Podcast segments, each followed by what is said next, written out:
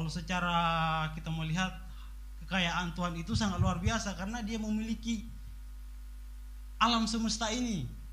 Kalau boleh dibilang dia mau jual satu bintang saja tidak ada yang bisa beli.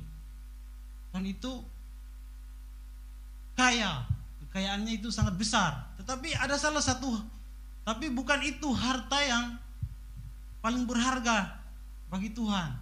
Harta yang paling berharga bagi Tuhan adalah saya saya dan saudara orang-orang yang percaya kepada Tuhan. Kenapa? Karena kita dikasihi. Kenapa kita berharap? Kenapa kita kenapa kita bisa tahu bahwa kita itu berharga saudara-saudara? Kita dikasihi bahkan firman Tuhan kalau kita bicara di firman Tuhan di seluruh Alkitab ini dari kejadian sampai wahyu itu bercerita tentang kebaikan Tuhan di dalam kehidupan kita, rencana-rencana Tuhan dalam kebaik di dalam kehidupan kita. Dia datang sebagai dia raja, dia datang di dia raja di raja segala raja, raja datang di dunia ini ambil serupa mengosongkan diri mengambil rupa seorang hamba untuk siapa coba? Untuk kita orang-orang yang percaya anak-anak Tuhan. Karena kita itu adalah harta Tuhan. Nah, sekarang yang menjadi pertanyaan saudara-saudara, kita sebagai orang Kristen apa yang harusnya menjadi harta kita yang sesungguhnya? Apa yang seharusnya harta yang paling berharga yang harus kita miliki sebagai orang-orang Kristen, sebagai orang-orang percaya. Kita baca di ayat yang ke-20 firman Tuhan. Tetapi kumpulkanlah bagimu harta di sorga, di sorga ngengat dan karat tidak merusakkannya, dan pencuri pencuri tidak membongkar serta mencurinya. Harta kita adalah tentang kerajaan sorga, saudara. Apa itu kerajaan sorga, saudara-saudara? Kalau kita melihat di dalam Lukas 12, Lukas 12, Lukas 12 ayat 33. Lukas 12 ayat 33 Firman Tuhan, jualah segala milikmu dan berikanlah sedekah, buatlah bagimu pundi-pundi yang tidak dapat menjadi tua, suatu apa? Suatu harta di sorga yang tidak akan habis, yang tidak dapat didekati pencuri dan yang tidak dirusakkan ngengat. Jadi sini saudara-saudara yang menjadi pertama sebagai orang Kristen yang menjadi harta kita itu perbuatan baik. Perbuatan baik Didasarkan karena percaya kepada Tuhan, karena cinta kepada Tuhan. Di situ dikatakan bersedekah itu itu merupakan harta bagi orang-orang yang percaya. Kita bisa baca juga di dalam 1 Timotius 6 1 Timotius 6 ayat yang ke-17.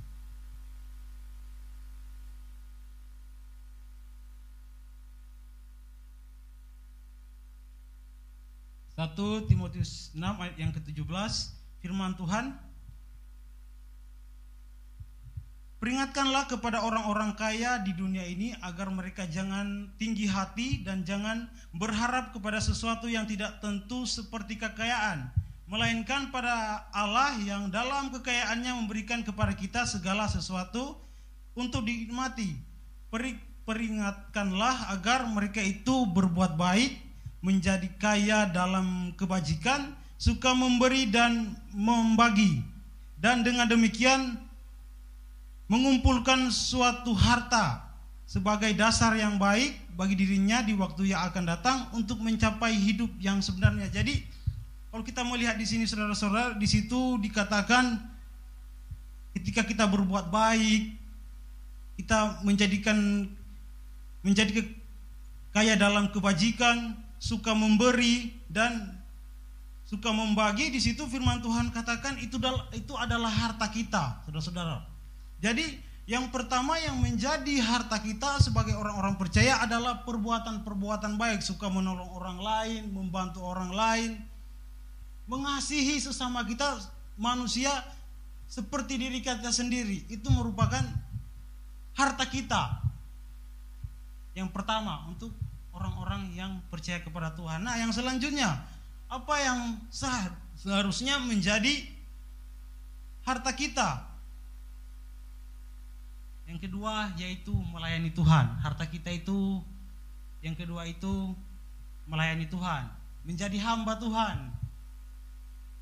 Hamba Tuhan itu semua orang-orang percaya itu hamba Tuhan ya, tidak ada beda-beda.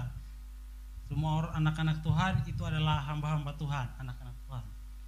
Jadi mungkin bagi orang dunia, bagi orang-orang yang tidak mengenal Tuhan, ketika kita menghamba itu merupakan hal yang hina.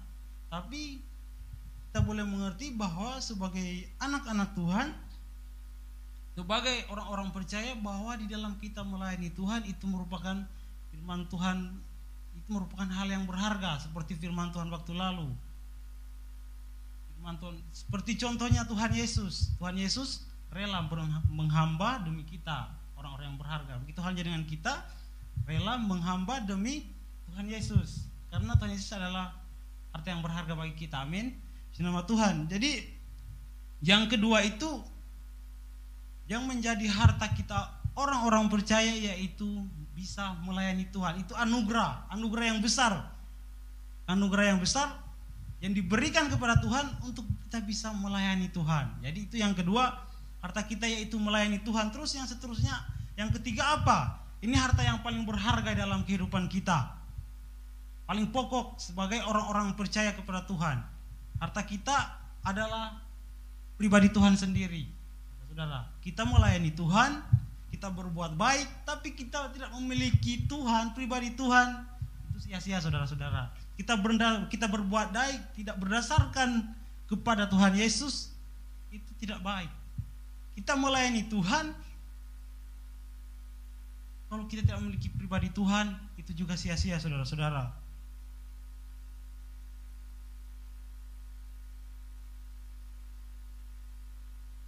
Nah, dengan apa saudara-saudara supaya kita bisa memiliki pribadi Tuhan itu sendiri yaitu harta yang paling berharga dalam kehidupan kita yaitu kita harus selalu membangun hubungan dengan Tuhan, komunikasi dengan Tuhan yaitu membangun hubungan secara intim dengan Tuhan.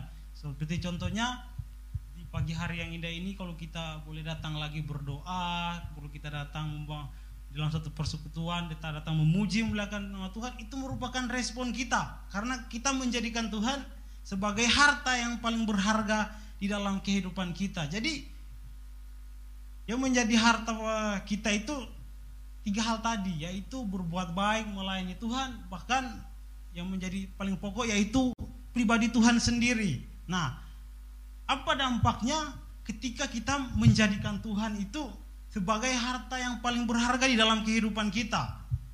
Kita akan seperti firman Tuhan katakan seperti di doa tadi malam doa pemuda remaja ketika kita menjadikan Tuhan harta yang paling berharga dalam kehidupan kita kita bukan kita bukan orang-orang yang biasa saja.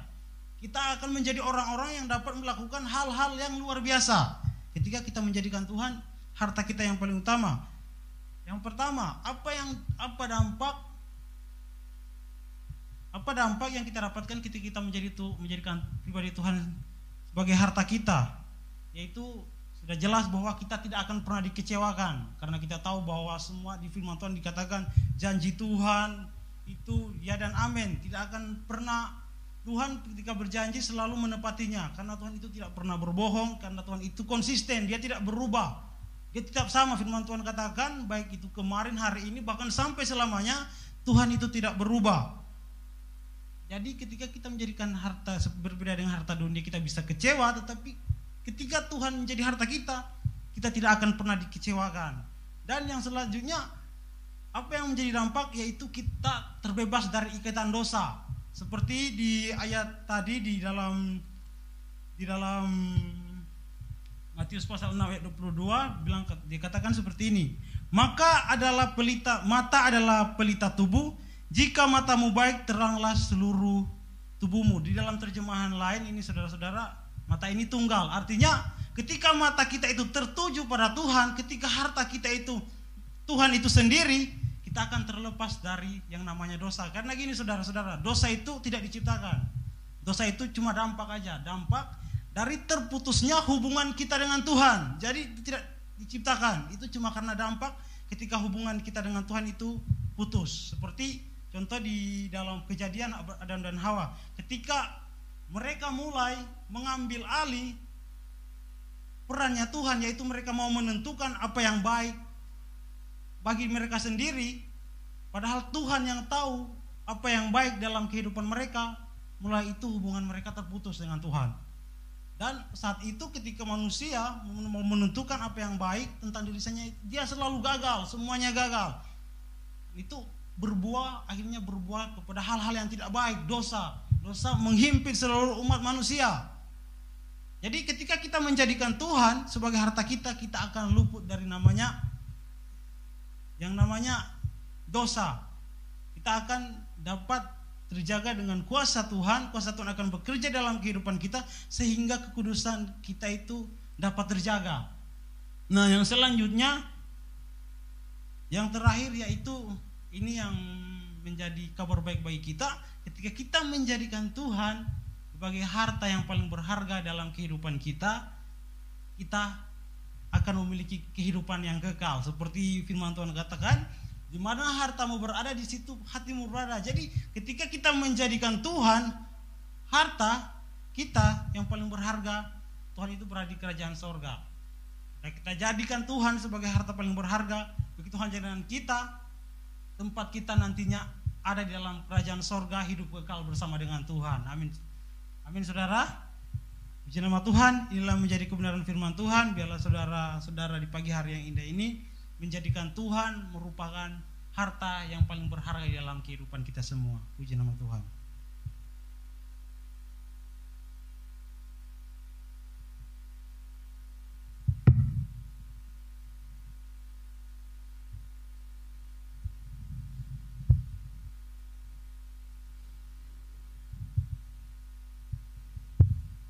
Sudah mendengarkan firman Tuhan. Bagian kita adalah untuk kita meresponi firman Tuhan dan apa yang kita bisa lakukan dari firman yang sudah kita dengarkan pagi hari ini. Haleluya. Firman Tuhan sudah disampaikan bahwa yang Tuhan mau kita tidak mengumpulkan harta di bumi tetapi kita mengumpulkan harta di surga. Harta di surga adalah hal-hal yang kekal, hal-hal yang bertahan, hal-hal yang tidak dapat habis, hal-hal yang tidak dapat diambil oleh orang, tidak dapat rusak. Haleluya. Apa yang kita lakukan? Firman Tuhan katakan, ketika kita mendapat upah yang baik dari Tuhan, kita sedang mengumpulkan harta di surga Terima kasih Tuhan. Saat kita berbuat baik kepada Tuhan dengan dasar firman Tuhan. Saat kita memberi sedekah, saat kita berdoa, saat kita berpuasa, kita sedang mengumpulkan harta di surga. Sebab itulah kemauan Tuhan. Saat kita melakukannya bukan dengan tujuan supaya dilihat orang. Hanya Tuhan yang tahu Tuhan yang melihat, Tuhan yang melihat. Kita sedang mengumpulkan harta di surga. Terima kasih Tuhan. Sebab Engkaulah yang menjadi pusat di dalam kehidupan kami. Dengan apa? Dengan segala apa yang kami lakukan Tuhan. Kami mendasarkan hidup kami hanya kepada Tuhan. Terima kasih Tuhan. Haleluya bahwa hidup kami berpikir dan berbuat seperti apa yang Tuhan katakan. Terima kasih Yesus, sebab Engkau Bapa yang mengasihi kami, kuasamu memulihkan kami, hati yang baru Engkau berikan untuk kami dapat melihat. Terima kasih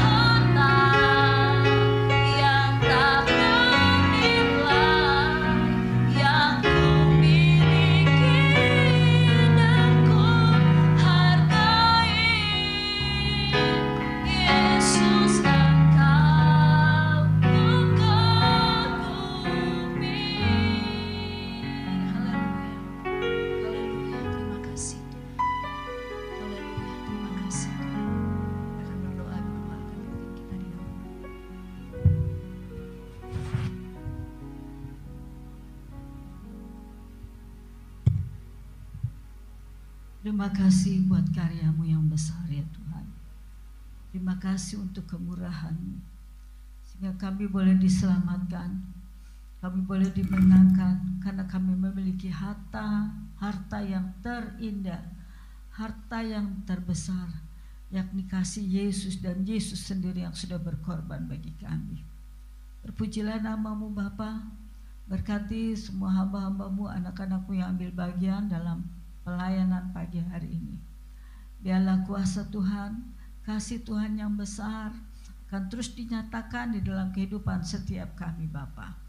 Kami tidak rugi mengikuti doa pagi karena Tuhan kami boleh ya Tuhan Yesus mendengar lagi akan kuasa Tuhan, akan kasih Tuhan, akan firman Tuhan yang dahsyat. Terpujilah namamu Bapa.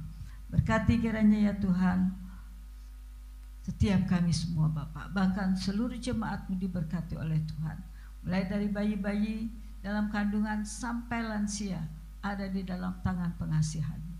Menjalani hari ini Tuhan bersama kami. Menyertai dan berkati usaha pekerjaan mata pencarian daripada umatmu sepanjang hari ini. Apa pun yang dikerjakan, apa pun yang dilakukan, kiranya Tuhan itu berhasil karena nama Tuhan dan nama, nama Tuhan dipermuliakan.